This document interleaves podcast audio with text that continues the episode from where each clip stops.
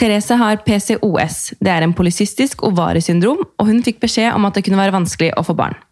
Etter mislykket hormonbehandlingsforsøk og IVF satt plutselig deres lille spire helt av seg selv etter noen års forsøk.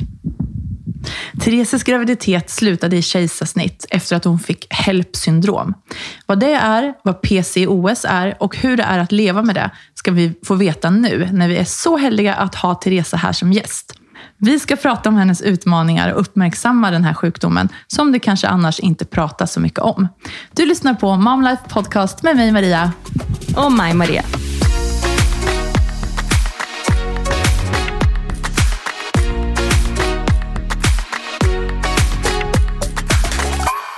Velkommen til oss, Therese. Tusen takk. Det er veldig hyggelig at du er her. Du, takk for at jeg fikk komme. Du, nå sitter jo vi her i stua til Maria, og hun har bakt sjokoladekake. Vi sitter her med litt kaffe og te, stearinlys, og syns det er veldig hyggelig at du er her. Du, Det er veldig hyggelig å være her. Og det er ikke ofte tirsdagsmorgenene starter sånn her, altså. Det må jeg jo bare si. Vi må jo dra på litt ekstra når vi har en så fin gjest her. Tusen takk. Og vi er jo så glade at du tok kontakt med oss. Ja. For du, er jo du har lyssnat på podden tidligere. Det og sen så kontaktade du oss på Instagram og frågade om, vi, eller om du fikk komme hit og være gjest, for Ja. at du har en historie å berette. Ja, jeg føler det er litt viktig å fortelle slike ting. Og jeg har vært, eh, aldri hatt noen problemer med å fortelle dette her, så da tenker jeg at da kan jeg bruke min stemme til eh, å hjelpe ja, andre i andre situasjoner. Mm. Det er vi veldig glade for. Vil du berette litt mer om deg selv? Um, Therese heter jeg, 27 år, kommer fra Nesodden-Drøbak-området. Um, men bor nå i Oslo med Adam, min samboer. Og sammen har vi Philip, vår sønn på to år. Eh, Jeg jobber nå på Ullevål sykehus, faktisk. På infeksjonsavdelingen der. Jeg skulle gjerne kunne skryte at jeg var sykepleier, det er jeg altså ikke. Men jeg jobber da som sekretær og gjør rett og slett alt annet sykepleierne ikke får tid til. Sykepleierne og legene. Mm. Hvordan har det vært å jobbe nå under eh, de litt andre eh, omstendighetene med covid? Ja, jeg har jo virkelig fått sett covid på et helt annet perspektiv enn hva man gjør kanskje fra nyhetene hjemme. Um, Det har vært veldig hektisk, eh, men superinteressant. Eh, Du leser jo liksom om disse pasientene som blir så dårlige, og ja, du får litt sånn virkelighetsperspektiv på hvor ille dette her faktisk har vært. Eh, Men absolutt en veldig givende jobb, og trives veldig, veldig godt. Nå har det jo heldigvis roa seg veldig ned, så vi ser jo at det er ikke like mange innleggelser osv. Men eh, ja, Du har fått sett det på godt og vondt. det har jeg absolutt. Men eh, Therese, du er jo her i dag for å snakke om Det er PCOS man sier, ikke sant? Stemmer. Eh, kan ikke du begynne å fortelle litt om det? Ja. Hva er det, og når oppdaget du at du hadde fått det, eller hadde det? PCOS det står jo for polycystisk ovariesyndrom. Eh, og det er Ja, det ligger jo litt i ordet. Det er syster på eggstokkene, altså på ovariene. Eh, det er en eh, Veldig enkelt forklart så er det hormoner i ubalanse. Hvor symptomer er veldig altså, ha, Det er veldig store grader av dette, denne sykdommen. Eh, du kan ha de som eh, nærmest ved tilfeldigheter finner ut at de har det, egentlig. Eh, De sliter ikke med noen særlige symptomer. eh, Men også har du de i andre enden som kan slite veldig. eh, Og som må til og med gå på medisiner for at symptomene er såpass ille. Eh, Og med PCOS så er det jo symptomer som ikke er sånn superhyggelig å ha. Det er overvekt, som eh, over halvparten av eh, kvinnene med PCOS sliter med. Og ikke bare overvekt, men også det å Uansett hvor mye du trener og legger om kostholdet, så sliter du å få vekten av. Og så er det kviser, uren hud, og da snakker vi sånn akne-lignende. Eh, at det er et problem, rett og slett. Eh, økt behåring er også et veldig typisk PCOS-symptom.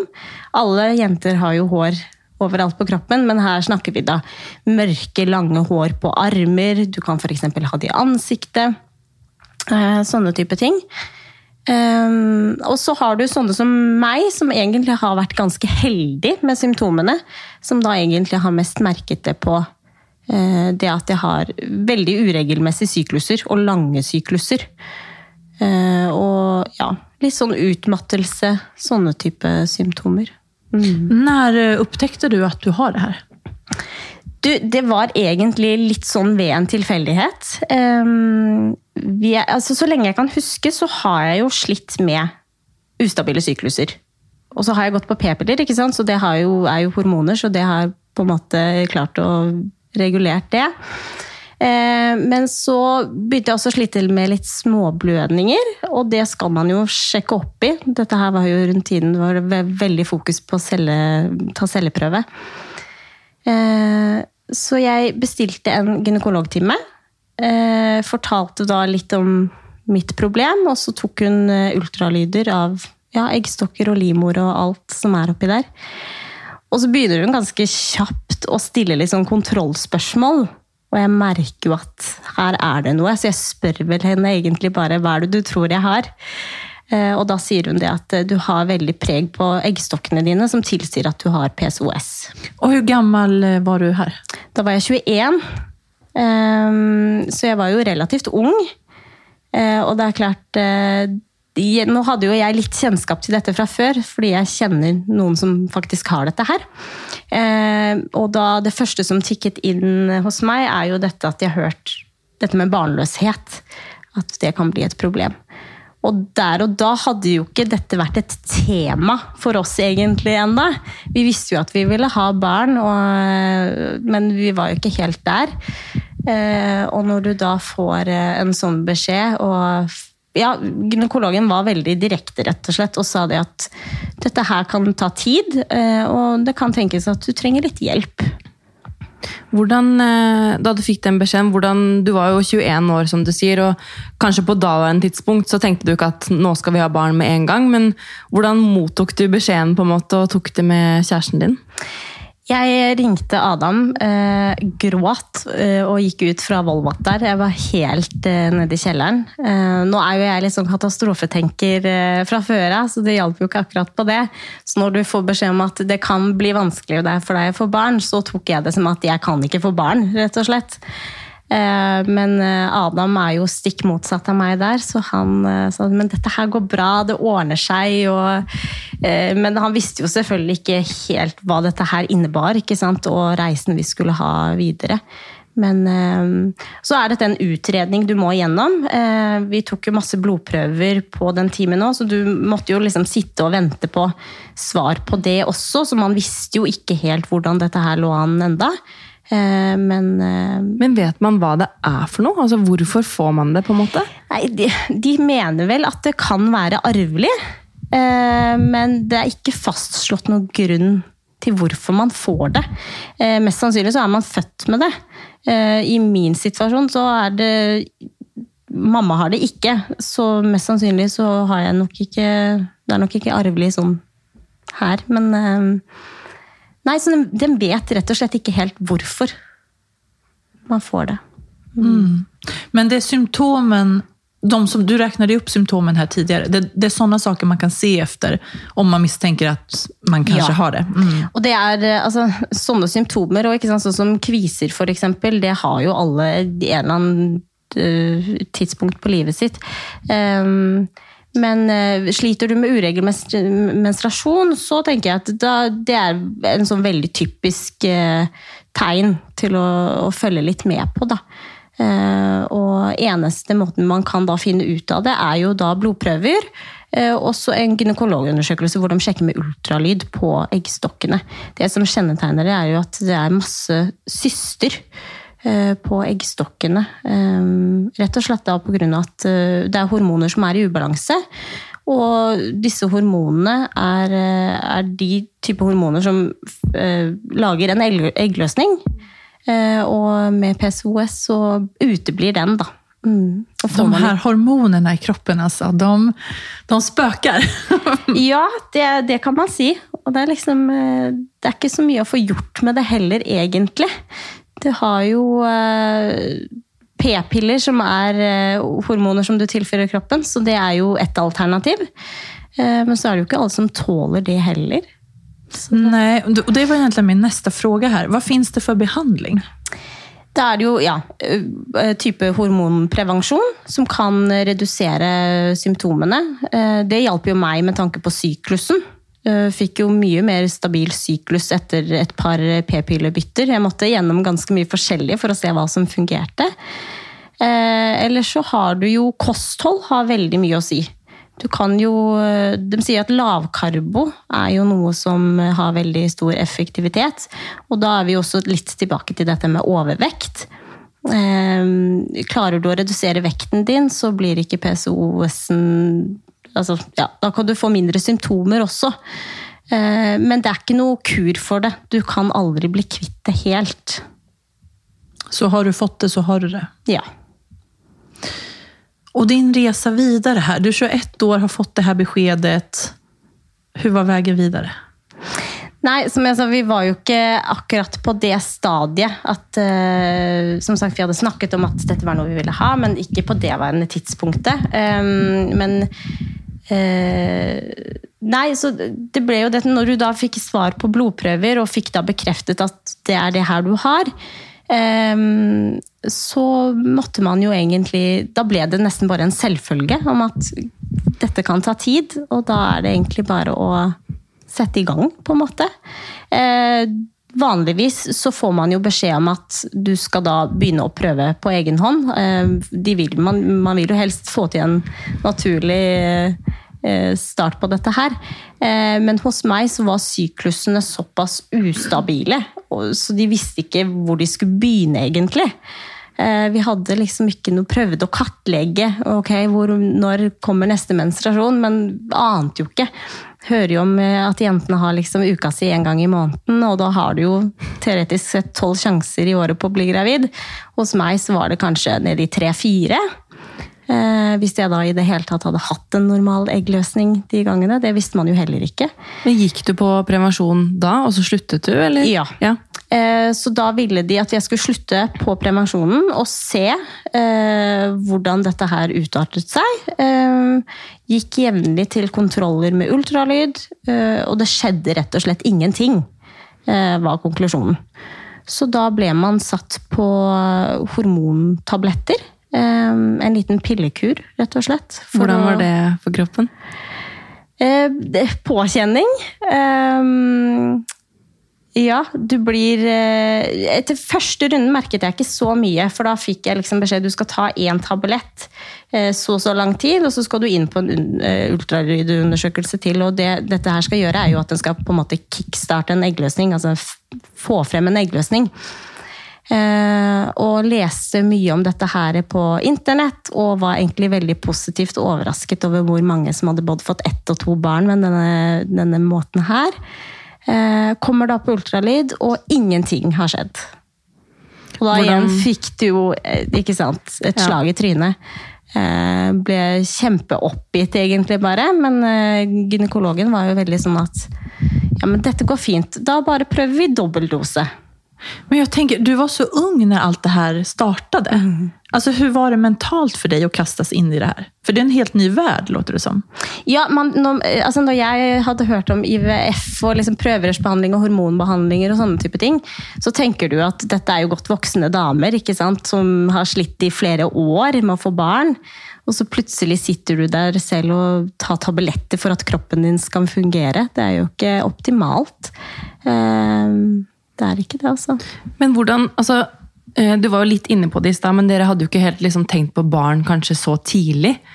Eh, hvordan gikk det fra at du på en måte var på denne eh, gynekologtimen og fikk på en måte høre at det kan være vanskelig å få barn, til at dere liksom Nå bare skal vi sette i gang nå for å se Altså, Hvordan er den reisen? på en måte? Vi pratet faktisk nesten ikke noe om det. Nei. Det ble egentlig bare som en sånn selvfølge. At selvfølgelig skal vi gjøre dette her. Vi skal jo ha barn en gang, så det er ingen tvil, på en måte.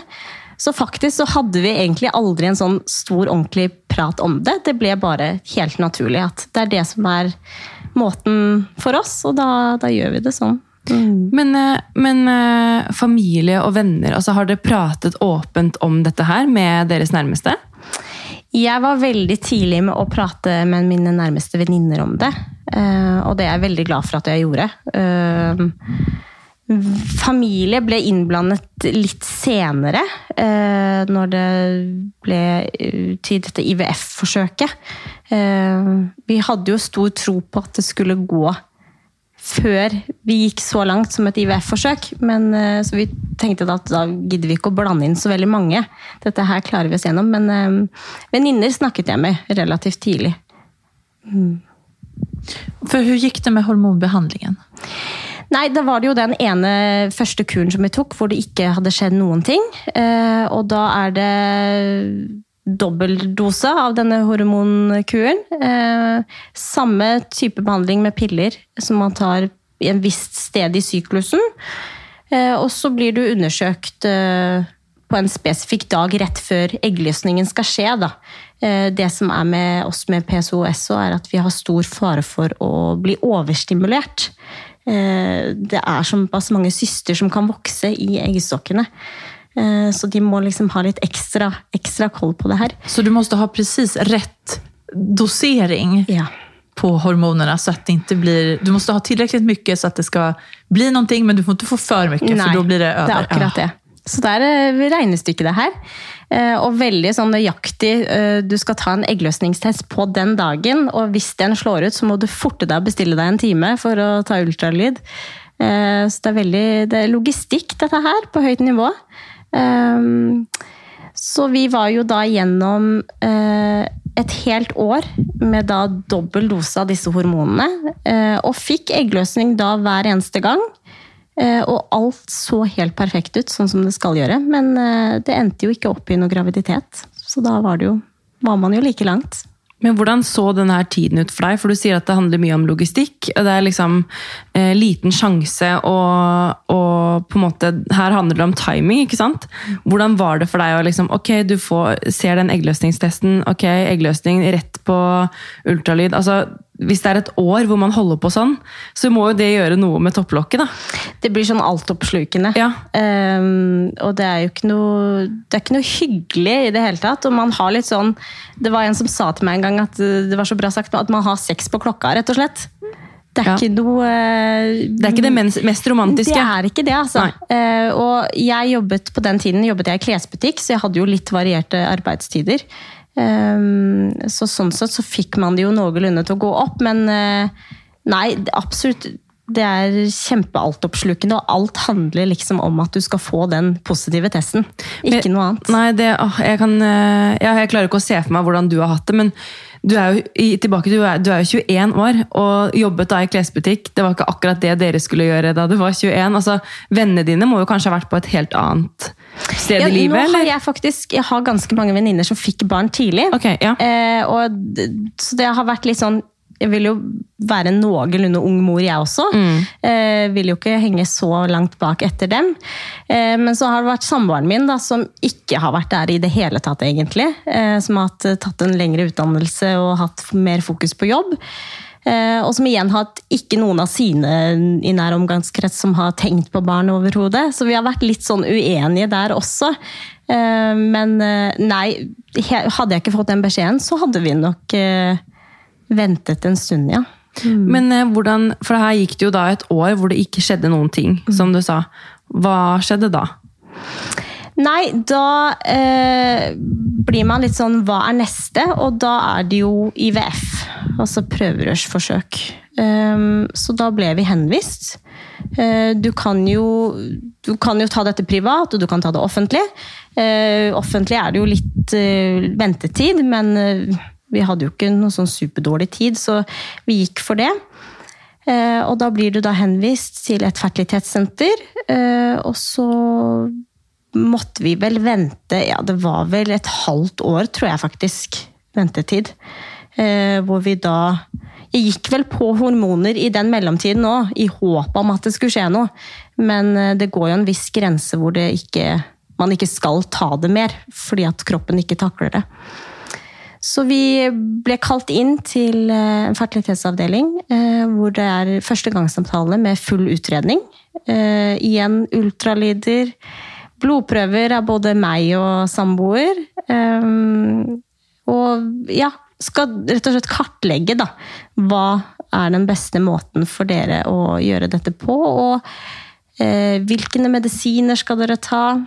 Da har du noe som heter liten protokoll, og så har du noe som heter stor protokoll. Og det er alt etter hva kroppen din takler, da. Som jeg sa i stad, dette med PCOS, at man har faren for å bli overstimulert. Eh, så ville de tilføre da minst mulig medisiner, men igjen nok til at det skal fungere. Så det er virkelig Man ja, må sette seg godt inn i dette.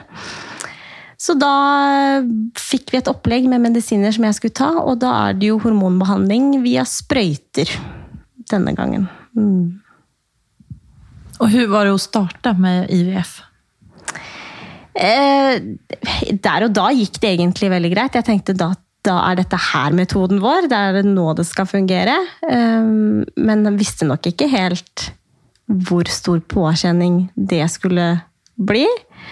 Eh, det er klart at hormoner, det, det gjør noe med kroppen, altså. Eh, og så eh, litt tilbake til dette med logistikk. Dette her er jo sprøyter som skal settes nøyaktig på samme tidspunkt i løpet av en viss periode. Og plutselig så ble vi invitert på middag til besteforeldrene mine en kveld, som vi ikke hadde sagt dette her til var sånn, Midt under middagen måtte jeg løpe på do, hente sprøyta jeg hadde gjemt i veska, og følte meg nesten litt sånn at jeg gjorde noe ulovlig når jeg sto inne på badet der og tenkte herregud, tenk om noen ser meg nå. Her står jeg og setter sprøyter i magen. For du hadde ikke berettet for familie og venner da? at Nei, hadde vi hadde sagt det til eh, mamma eh, og mor til min samboer. Altså aller nærmeste familie. Eh, de som vi følte at det ble naturlig å fortelle det til. Eh, og litt sånn diverse venner i omgangskretsen. Men vi fortalte det der hvor det var en naturlig måte å fortelle det på. Det var ikke sånn at vi plutselig braste ut om at eh, nå skal vi inn til et IVF-forsøk. Det var liksom en naturlig eh, innledning på det. Det er klart at folk begynner jo å spørre, og det, det er litt det der, det skal man være forsiktig med, har man jo hatt litt fokus på. Eh, men eh, nei, så vi har egentlig vært relativt åpne eh, om folk som har spurt, og det tror jeg er veldig bra òg. Ja, det tror jeg er kjempebra. For det er jo, kan være litt kjenslig å prate om. Absolutt. Um, nå er jo jeg en sånn person som ikke har noe problem med å prate om det, egentlig. Um, men jeg kan absolutt skjønne Det er jo veldig privat. Det er jo det. Det er privat, og samtidig så er det så mye vanligere enn hva man tror. Ja. Det er så mange som gjør IVF. Plutselig så var det et vennepar av oss som var akkurat i samme situasjon. Så det er uh, kjempeviktig. Og du trenger ikke å si det til alle, du trenger ikke å fortelle det til hele familien, men jeg tenker en eller annen burde du ha som ikke er din partner, å prate med det om, fordi det blir som sagt så altoppslukende. Uh, og du trenger å løfte tankene lite grann, altså. Og hvordan gikk det videre? Derifra? Da var det jo dette IVF-forsøket. Eh, tok sprøyter. Eh, igjen på ultralydundersøkelse. Får da beskjed om at ting ser veldig bra ut. Hadde opp, Det var vel over 20 altså modne egg de mente de kunne få ut, og det er jo et veldig bra utgangspunkt. Eh, og så kom da selve dagen med da egguttak. Eh, da får du eh, smertestillende i forkant, for det er jo et inngrep, dette her. Lar da disse medisinene virke, og så går de rett og slett med ultralydapparat og henter ut egg. Det er så sykt. Ja, det, det er, veldig vilt å tenke på. Det var så morsomt, for Du sitter liksom i et rom, og så på andre siden så er det laboratoriumet. Og der er det åpent. Så der eh, hører du eh, når de får ut egg, så sier de 'Å, nå har vi ett egg. Nå har vi to egg.' Og så teller de, liksom. Så eh, på det forsøket så fikk vi ut 19 egg. Og det er ganske bra. De sier jo vanligvis så får man ut mellom 5 og 15. Eh, så 19 er eh, superbra, men så er det jo litt det at eh, altså, kvalitet fremfor kvantitet. Du trenger bare ett egg som er bra. Da holder det ikke med 19 som er dårlige. Og det var jo akkurat det som skjedde i dette tilfellet her. Da fikk vi jo beskjed om at 19 egg skulle den prøve å befrukte. Og så fikk vi vel telefon dagen etter om at eh, nå var ni egg befruktede. Vil si det var ti stykker som de bare kastet vekk. Og så skal disse dyrkes da, til forskjellige stadier. Um, og så var det vel fem av de ni eggene som da uh, så greie ut etter to dager. Og så skulle de ringe meg en onsdag for å fortelle hvor mange vi kunne sette inn. Eller de setter jo da inn ett egg, og så fryser de ned resten. Uh, og så ringte de meg en dag før og da forsto jeg det at det her lover jo ikke bra. Og da forteller, forteller de da at uh, dessverre så er det ingen egg som kan settes inn. Rett og slett pga. kvaliteten. Og hadde de satt noe inn, så hadde det ikke vært forenlig med liv, rett og slett. Hvordan var det å få det beskedet? Nei, da kjentes jo alt bare håpløst ut, egentlig. Da tenkte jeg at nå er det ikke kjangs i det hele tatt. Selv ikke IVF er tingen, og ikke eggene ja, eggene mine funker ikke, rett og slett. Um, nei, så da var det Hadde jeg egentlig ikke lyst til å gå gjennom det en gang til. Hadde lyst til å bare si stopp til hele, hele greiene. For hvor lenge hadde dere forsøkt da? Nå prater vi år. Da er det litt over to år, ja. Hvor man har prøvd. Um, og alt har liksom handlet om den ene testen. Og så er det så urettferdig, for du hører liksom alle om de som ved en glipp da, bare en kveld plutselig har blitt gravid, og så er det de som sliter så mye, som prøver alt. Og, ja, det er jo tidkrevende, og ikke minst er det dyrt. Du skal jo betale for medisiner, og det er snakk om eh, Ja, de som går gjennom dette flere ganger, så er det flere hundre tusen det er snakk om, rett og slett. Altså, hva, hva gjorde det her, alt du var igjennom her, med ditt hode? Altså, Hvordan gikk tankene? Som du sier, når du da hører om folk som, blir, som råker bli mm. gravida eller at det går veldig lett. Altså, Hva tenkte du der? Nei, jeg, altså, den dag i dag er det litt sånn vanskelig å huske det og se tilbake på, men eh, det var kjempetungt. Gråt masse. Eh, og min samboer var litt sånn, han visste nesten ikke hva han skulle gjøre. Det var så utrøstelig. Eh, men igjen tilbake til det å ha noen å snakke med dette her om. Det er så viktig. Så mine venninner har jo vært kjempegode akkurat der og da. Det, ja, jeg vet ikke om jeg hadde klart meg uten dem, rett og slett.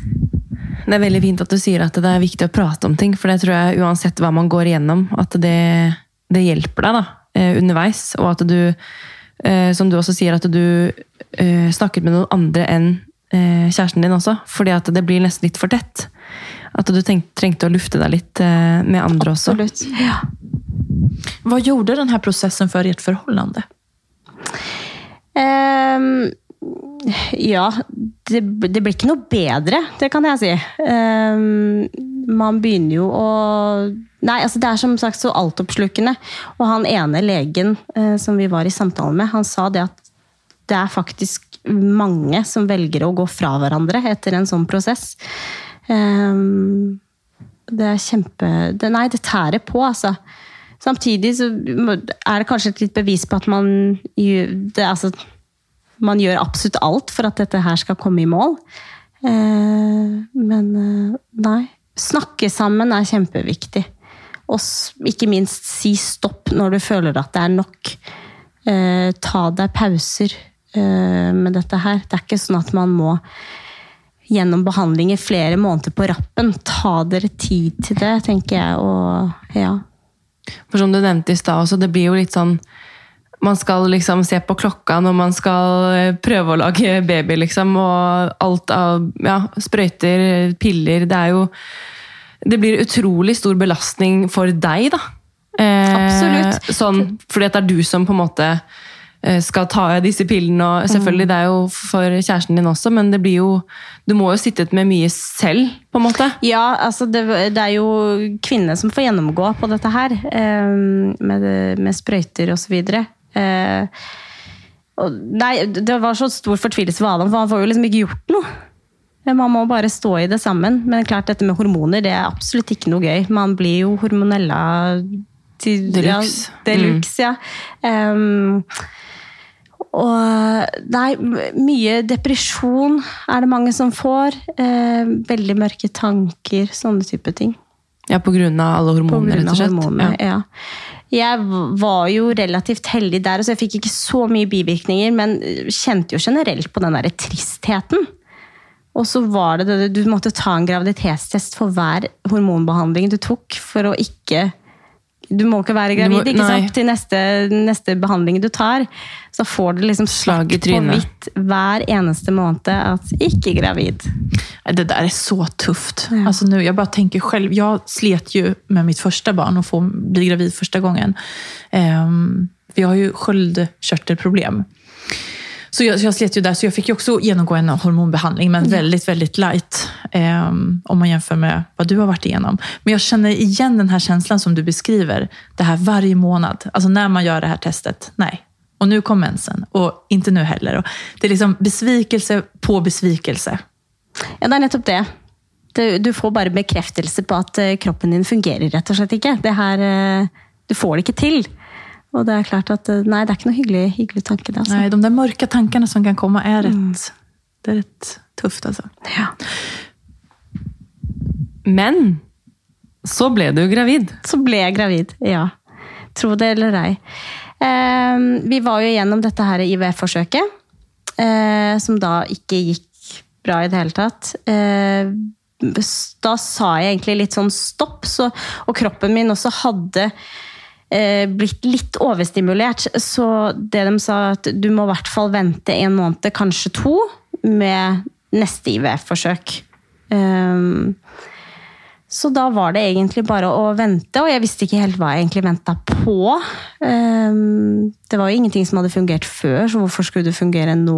Så vi hadde jo egentlig lagt tanken veldig bak oss. Greit, dette skulle ikke skje nå i det hele tatt. Eh, Men så eh, gjorde de da en større utredning for å finne ut er det noe vi kan gjøre annerledes, noen annerledes medisiner. Eh, Og da fant de ut at stoffskiftet mitt var litt i grenseland, så de ville da ta referanseområdene. Altså jeg lå innafor referanseområdet, men de ville være enda mer på den sikre siden. Så jeg ble satt på stoffskiftetabletter. Og fikk egentlig bare beskjed om å vente på beskjed fra dem hva som skulle skje videre. Og venter da på eh, IVF-forsøket vårt var da i november i 2018. Eh, og så kommer jo da julen, eh, og man har jo tanker på litt andre ting. Og så kommer jo aldri denne menstruasjonen, da. Som man liksom skal ta utgangspunkt i for neste forsøk. Og det var flere venninner av meg som ja, men tenk, kanskje du er gravid. Men nei, men det er jeg jo ikke. Nå har vi vært igjennom to år med dette her. Jeg kan jo ikke bli gravid. Eh, og så er det en kveld vi faktisk eh, står og skal lage taco. Hvor jeg blir altså så kvalm og må løpe på do for å kaste opp. Hvor det er vel kanskje den første tanken det slår meg at hm, kanskje jeg kan være gravid. Jeg får helt sånn gåsehud her nå. Så um, jeg tok vel faktisk én test den kvelden. eh, men den var altså så svak at jeg trodde kanskje jeg bare innbilte meg noe. Jeg sa ingenting til Adam. Han fikk jo med meg at jeg gikk og kasta opp, da. Men det var, jeg sa ikke at jeg testet. Um, så morgenen etter hadde jeg jo masse graviditetstester på lur etter denne her perioden. Så eh, da gikk jeg og testet, og da fikk man liksom gravid én til to uker. Altså, Therese, jeg ryser i hele kroppen. Herregud, hvordan kjennes det? Det er så rart, for da var liksom de to, to årene man hadde vært gjennom, de ble bare glemt. Nå sitter man her med en graviditetstest, og jeg gråt og var bare overlykkelig. Og så switcher det fort om til at man blir livredd. For å begynner å tenke på alt som kan gå galt, rett og slett. Um, man tenker jo at den uflaksen man har vært igjennom altså, Garantert så skjer det jo et eller annet nå, tenker man jo. Um, så men jeg sendte vel bilde til et par venninner. Liksom, se her. Uh, før jeg faktisk sa det til Adam. Um, og de ble jo helt i ekstase, ikke sant. Uh, og så øh, skulle jeg Ja, det var den perioden her jeg hadde litt rare eh, arbeidstider, så jeg skulle starte klokka to på jobb. Eh, så jeg og Adam rakk akkurat ikke å se hverandre, så tenkte jeg nei, men da må jeg bare ringe han. Eh, og han var på jobb, og så får jeg ikke tak i han. Så sender jeg han melding. 'Kan du ringe meg?' Og så svarer han 'Ja, er det noe viktig?' Ja, det er ganske viktig, det her. Og så ringte han da opp igjen, og så forteller jeg at du, jeg tror jeg er gravid. Og han tror jeg bare fikk sjokk, egentlig. ikke det her liksom skulle jo ikke gå. Altså, nå har vi prøvd så fælt, og det, det går jo ikke. Um, men eh, jo, fikk jo da Og tok jo så mange tester. Jeg vet ikke hvor mye jeg svidde av på det apoteket. altså. Du ville bare ha den bekreftelsen på at nå Ja, er jeg gravid. Nå er jeg gravid, og jeg testet jo i flere dager etterpå. Um, og ga da beskjed til uh, fertilitetsklinikken om at nå har jeg fått en gra positiv graviditetstest. Hva nå? Eh, og da gjorde de jo ikke noe annet enn å gratulere. Eh, og heldige som vi var, var jo, siden vi allerede var inne i systemet, så fikk vi jo tilbud om en veldig tidlig ultralyd for å kunne se at eh, det faktisk var noe der, og at alt så greit ut. Mm. Og Hvordan kjennes det å gå for det ultraljudet? Veldig spesielt. Eh, og det er eh, Altså, jeg hadde jo vært gjennom så mange ultralyder.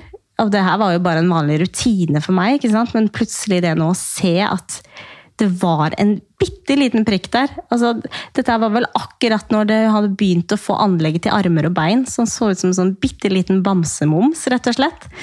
Men det viktigste mm, som var, var jo det å se at hjertet, det slo jo. Du så det dunka. Eh, og at eh, målinger og sånn var, eh, var akkurat som det skulle. Så de sa det at det ser helt fint ut.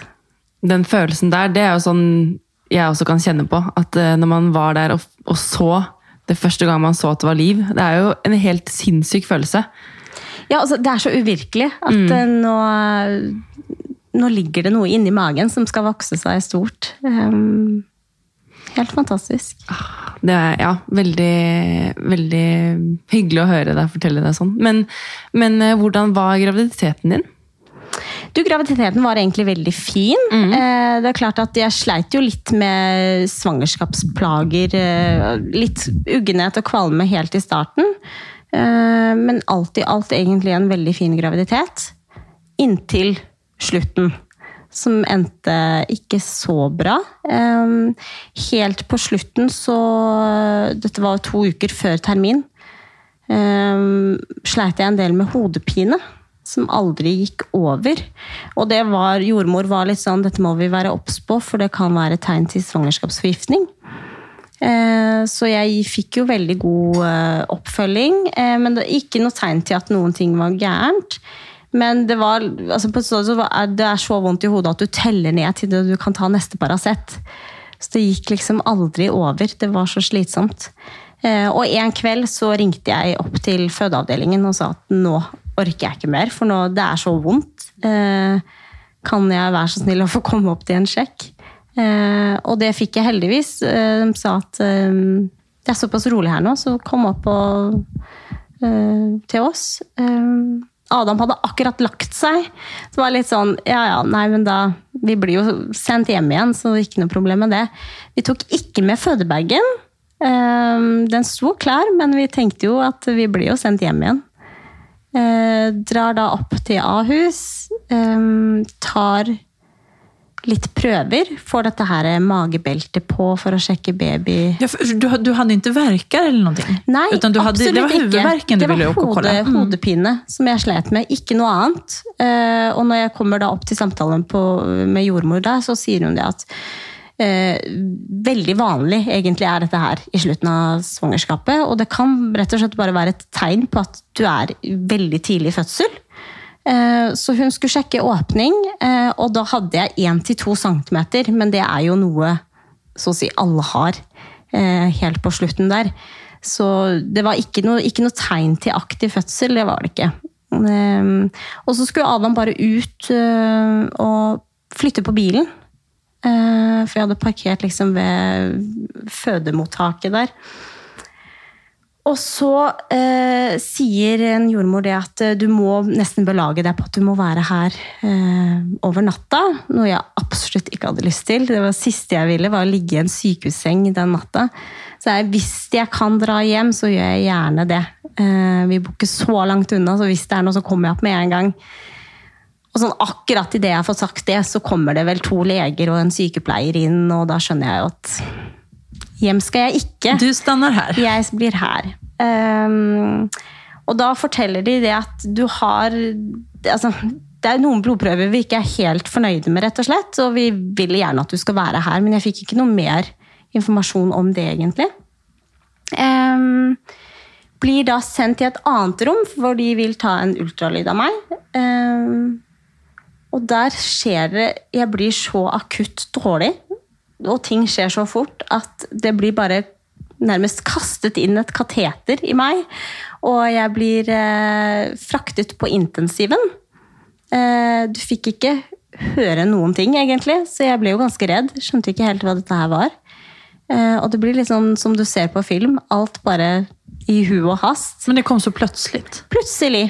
Tur at du var der på sjukhuset. Ja, og det har jeg fått så skryt av i etterkant av de legene som fulgte meg opp, at du skal være veldig glad for at du tok kontakt. Ehm, og det skjedde veldig mye, og det var noe intravenøs behandling jeg fikk, eh, og ja, mye om og men, så det var så mye som skjedde, og jeg sovnet vel på et tidspunkt der òg. Og når ting begynte å roe seg litt ned, så eh, kom jo da eh, legene inn og sa at nå kan vi begynne å forklare deg litt hva som har skjedd. Um, og da forteller de det at uh, jeg har noe som heter HELP-syndrom.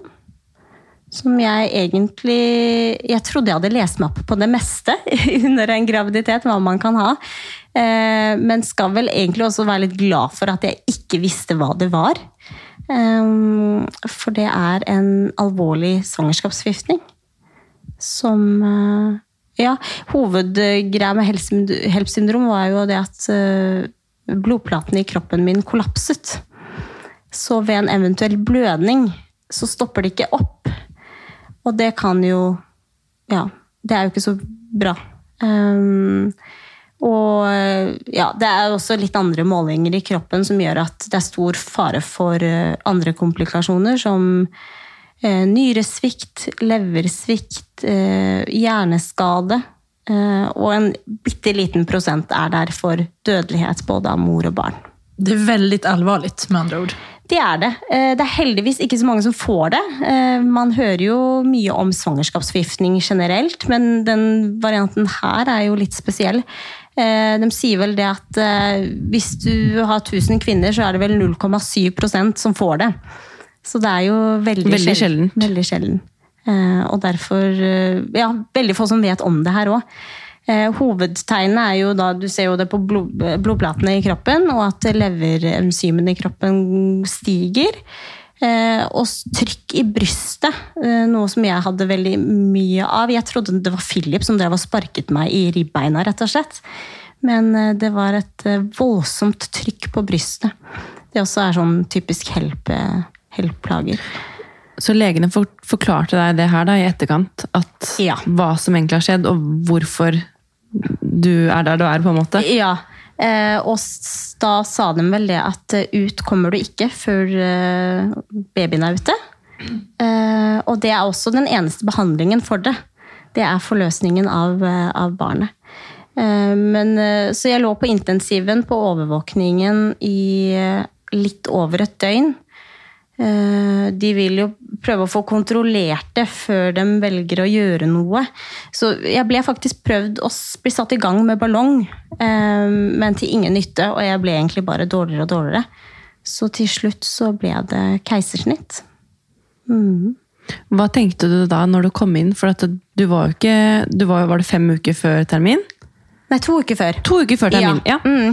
Eh, jeg var jo veldig sikker på at jeg skulle gå over termin. Det er jo det du hører, førstegangsfødende.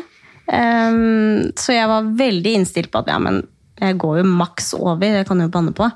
Uh, så når de plutselig sier det at ut kommer dere ikke før babyen er ute, da tror jeg Det var vel Adam som merka det mest. Han ble jo helt svett, stakkars, og tenkte hæ, er det nå det skal skje? Ehm, så Adam dro hjem og henta denne her fødebagen som vi hadde satt fra oss. Eh, fikk beskjed om å pakke med litt sminke, hvorav da han tar med en knæsj rød leppestift, som han da tenkte var superkjekt å ha på føden. Um, stakkars mann måtte jo bare pakke det i huet hans. Ehm, Og Adam var der hele tiden. Han fikk faktisk et eget rom, eh, så han fikk lov til å sove litt. Eh, for jeg lå jo på intensiven, og da satt det en eh, og passet på meg kontinuerlig. Skulle vedkommende på do, så måtte de tilkalle en annen. Og Det sitte og passe på. Og sitte og Ja, de satt rett og slett bare foran denne maskinen og så på målinger. Heldigvis hadde jo Philip det bra hele tiden. Det var meg det gikk utover. Eh, Men hvordan hadde du det da? Du, var det dårlig, Ja, eller? Ja, veldig, altså det, den hodepinen her hadde jo aldri gått over. Så du satt jo med den. Uansett hvor mye sterke smertestillende du fikk, så gikk ikke hodepinen vekk. Eh, og så var det jo dette her trykket i brystet. Og jeg fikk ikke lov til å reise meg opp og strekke på beina engang. Eh, det var 'du må ligge her eh, til det skjer noe mer'. Eh, og det ja, var generelt bare dårlig. Jeg var så sliten og Men den tiden må ha gått veldig sakte for deg. Var det sånn, veldig sakte. Tenkte du bare 'nå skal jeg bare få den ungen ut, og så blir det bra'? Eller hva, hva tenkte ja, til du? slutt så var jeg nesten sånn at hvis jeg, det er keisersnitt som er tingen, så kan vi like så greit gjøre det nå, Ja. tenkte jeg. Uh, og hadde egentlig forberedt meg litt på fra før og at det kunne ende i, i keisersnitt. Uh, så var jeg egentlig veldig forberedt på det. Eh, så det var egentlig helt greit når den, eh, når den avgjørelsen ble tatt av legen om at nei, keisersnitt eh, er tingen for deg, rett og slett. Mm. Og to veckor, det var två uker innan termin. Da är Ja. ju, Filip var jo ferdig bakt og klar, Ja. så att. Så det, var, det sto ikke noe på det. Jeg, jeg kunne like så greit vært i aktiv fødsel, på en måte. De sier jo det to uker før eller etter termin, så det har jo ingenting å si sånn sett. Eh, Så da ble det keisersnitt under veldig kontrollerte forhold. Eh, Så det er jeg veldig glad for. Det var ikke sånn akutt keisersnitt som du hører om, hvor mor må i narkose og sånne ting. Så jeg var, fikk heldigvis lov til å være våken. Eh, Men jeg husker jo når jeg satte meg på operasjonsbenken der, det var da alt ja, angsten rett og slett kom inn. Jeg ble livende redd, altså. Var- Alt du har vært igjennom for å komme opp Ja. til den här, till det här det er liksom det. Og jeg hadde jo nesten sett litt frem til en fødsel. Eh, ikke sant? Alltid tenkt på at det er noe man skal igjennom. Og så endte det sånn. Så akkurat der og da var det helt ok, men sånn sett i ettertid så føler jeg meg nesten litt snytt for en fødsel. Det er jo noe man vil oppleve. og alle det de snakker om, ikke sant? få denne varmeklumpen opp på brystet og, og sånne ting, det får du jo ikke under et keisersnitt, men eh, det var det som måtte gjøres. Ja, for hur, hur går det til når du... Da eh, ble fikk, Du får jo spinalbedøvelse. Du blir jo lamma i, eh, altså, ja, fra magen og ned. Eh, jeg var jo litt spent på han kjære samboeren min, som ikke tåler verken blod eller eh, gørr. Eh, så jeg sa faktisk til han hvis du ikke vil være med, så er det helt greit. Eh, nå må vi bare komme oss gjennom dette. Sterkt av deg å si så. Ja, men det jeg tenkte der og da var det bare Nei, men det er helt greit, Adam, hvis du ikke ønsker det. Men eh, selvfølgelig ville han jo være med. Så han satt med én AirPods i øret for å prøve å konsentrere på noe annet. Eh, og så henger de jo opp et forkle, eller ja, et laken, da, for at du ikke skal se alt de driver med. Blir da bedøvd, og så setter dem rett og slett i gang. Eh, hele inngrepet tok vel 32 minutter.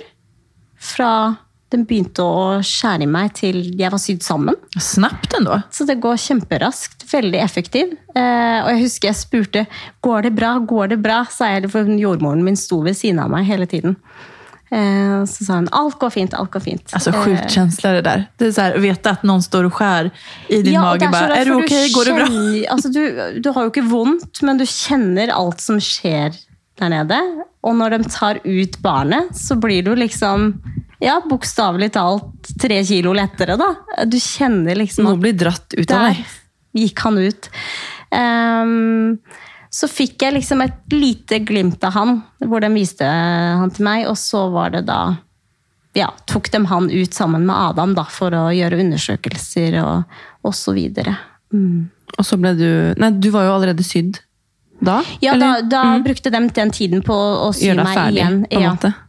Det er jo så rart konsept at de på en måte Man hører jo bare keisersnitt, ja da åpner man opp og tar ungen ut. Ja. Men det er sånn, når du sitter og forteller noe, jeg sitter med konstant gåsehud og ser det virkelig for meg at det forhenget er der, og at babyen skal liksom dras ut. Det er jo ganske sykt, og man må jo åpne opp.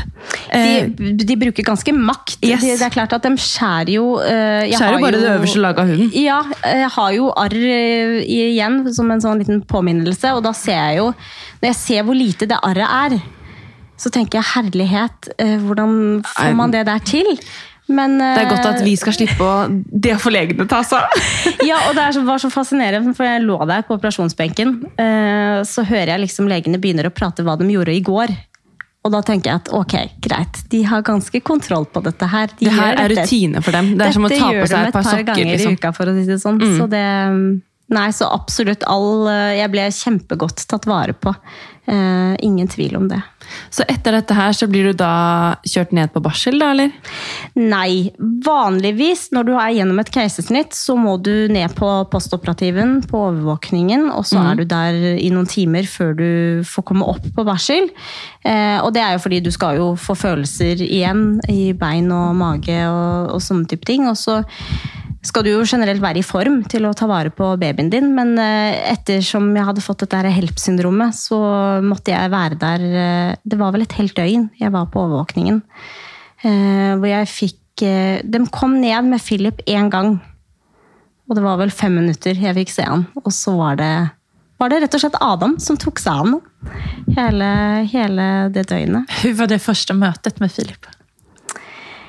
Eh, Ja, hva skal man si? Så rart å plutselig se det man har strevd så mye for.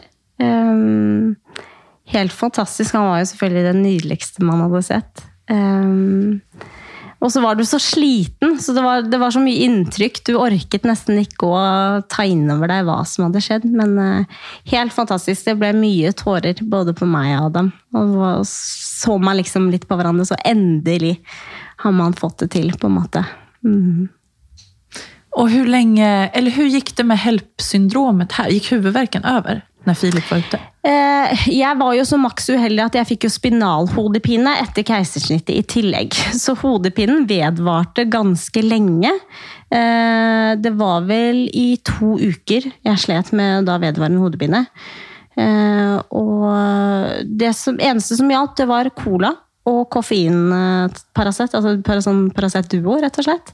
Eh, Så endelig begynte liksom hodepinen å lette. Men eh, det er klart at etter man har vært med, gjennom et keisersnitt, så er jo det en påkjenning òg. Men HELP-syndromet det forsvinner jo eh, så fort ungen er ute. Eller da begynner du å stabilisere deg. Så da er jo eh, Det tok vel to dager før eh, man kunne se på blodprøven at nå er du erklært frisk. Um, ja. Ja, Fantastisk. Og hvordan var det når ni kom hjem? Veldig rart. Jeg husker jo vi måtte sette han i bilstolen, og nå skal vi hjem. eh, Etter så god oppfølging på sykehuset. Vi var der jo nesten en uke, faktisk, eh, og fikk ekstra god hjelp. Og Adam var så heldig at han fikk være der. Eh, Det er jo ikke alltid det skjer på barsel, men de hadde heldigvis et ekstra rom. Så veldig skummelt, men eh, veldig bra, selvfølgelig. Um, og så var det det, Når du kommer hjem, så blir alt så naturlig. Det er så rart med det. Jeg har jo mange venninner som har hatt barn, og, men du blir litt sånn anspent ikke sant? og du skal holde bare Herregud, hva, hva gjør jeg nå? Når du kommer hjem med ditt eget, det blir jo en helt annen setting. Det er akkurat som at du bare vet hva du skal gjøre. Ja, det er noe med det. Og så må man bruke tid på å finne ut hvem eh, denne lille personen er. Vi sleit jo litt med amming også, så etter to uker så sa jeg nei, det her orker jeg ikke mer. Så det, vi hadde litt sånn uheldig start med alt, egentlig. Um, men nei, helt fantastisk å endelig få han hjem. Eh, hvordan er det for deg nå å leve videre med PCOS? Har du noe oppfølging? Har du noen symptomer? Jeg går på altså, eh, både p-piller og metformin, som er en diabetesmedisin, eh, har hjulpet meg veldig i etterkant å holde ting i sjakk. Eh, så nå så er jeg egentlig ikke veldig plaget av det. Det er klart Jeg har fremdeles uregelmessige sykluser. Noe som er litt frustrerende. Du har ikke helt kontroll på noen ting, egentlig. Um, og så sliter jeg jo litt med at disse systene sprekker jo noen ganger. Uh, og da får du akutte magesmerter. Uh, ikke noe sånn Altså, du klarer deg helt fint, men du må puste deg gjennom det, for det er ganske heavy saker. Uh, ellers så har jeg vært ganske, ganske heldig. men tenker jo fælt på de som virkelig sliter med dette her. Som sagt, eh, å ta medikamenter for prøve å stabilisere noe, det er jo det er ikke en heldig tanke. Men hvordan påvirker det deg på en måte i hverdagen? Eh, nei, hva skal man si? Eh, Bekymrer du deg mye? Ja, det gjør jeg jo.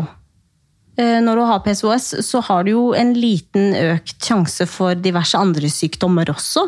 Eh, F.eks. Eh, diabetes, eh, altså høyt blodtrykk, sånne type ting. Og, så man går jo Du får jo en liten sånn påminnelse på at alt er jo ikke som det skal. Men ellers så er det har kommet til det stedet. Det er bare litt irriterende. At, hvorfor har jeg akkurat jeg dette her? du må legge til rette for, og det blir jo sikkert som du nevnte i stad, at du har lest mye om det i forhold til sikkert hva man spiser, hva man Altså, det, det blir mye mer enn det man kanskje hadde sett for seg. da. At, ja, og sånne dietter og sånn, det har jeg lagt helt fra meg. Eh, prøvde vel en gang å legge om til eh, lavkarbo, for det skulle være så fantastisk, men eh, nei. Jeg er altfor glad i å spise alt annet, så jeg tenker man skal man skal være fornøyd med det valget man tar. Um, så der har jeg ikke vært. Men det er klart at tenk litt ekstra over med tanke på fysisk form. Um, sånn som på jobben, jeg har begynt å parkere litt lenger unna enn hva jeg vanligvis kanskje ville gjort. Altså, du, bare litt sånne små ting, uh, rett og slett, for å prøve å gjøre det man kan. Um, og så er man jo så klart uh, Tenker man jo over på eventuelt en ny graviditet. Uh, vi har vel landa på det at vi ønsker at Philip skal få et søsken en gang. Eh, men har vel konkludert med at eh, vi kommer ikke til å gå gjennom et IVF-behandling igjen. Det orker vi rett og slett ikke. Så skjer det, så skjer det. Hvis det ikke skjer, så er vi veldig takknemlige for at vi har en så frisk og fin gutt som vi har i dag. Men nei, det er klart, det er, det også er jo i tankene hver gang eh, man eh, blir påminnet eh, med dette her. Mm. Hva vil du si eh, til andre med de samme utfordringene? Eller hvis noen nå har nettopp oppdaget da, at man har fått dette her, og man aner ikke hva det er, man vil ha barn, men man er redd, og det Altså det som er viktig å få frem, er jo at selv om du får diagnosen PSO, så er det ikke dermed sagt at du ikke kan få barn. Eh, det var jo det jeg tenkte, og gikk jo rett ned i kjelleren. Eh, noen sliter ikke i det hele tatt. Eh, andre må få litt hjelp. Så har du jo noen hvor det dessverre ikke går, rett og slett. Men selv om du har altså Du kan ha aldri så mange symptomer, men du kan få det til helt naturlig allikevel. Så det blir litt sånn klisjé å altså, ikke gi opp, men det er jo bare, du må bare holde på motet. Altså. Um, og prate med noen om det tenker jeg er uh, så viktig. Og bestill deg gjerne en uh, Sånn som Min fastlege var veldig åpen opp med at jeg er ikke noe ekspert på det området her. Så jeg anbefaler deg at du går til en gynekolog som har kjennskap om kvinnesykdommer. Og det er jeg veldig glad for at jeg gjorde. En som faktisk har mye kunnskap om dette. Ja, del det med noen du er glad i. Om det er en venninne eller bestemor eller hva det nå enn er, så er det så lurt å ha noen å prate med det om. Alltså det känns ju som att vi skulle kunna sitta här och prata hur länge som helst med dig, Therese. Men nu börjar tiden rinna ut, så vi får säga tusen, tusen tack för att du kom hit idag. Tusen tack för att jag fick komma. Vi är så glada att du var här och ville dela din historia. Jo, tusen tack. Om våra lyssnare vill komma i kontakt med dig, var ja. hittar de dig då? Gjerne send meg en melding på Instagram. Det kan du gjøre. Therese Christiansen heter jeg så mye som der. Så det ikke nøl med å ta kontakt hvis det er noe man lurer på. Fantastisk. Tusen takk. Takk.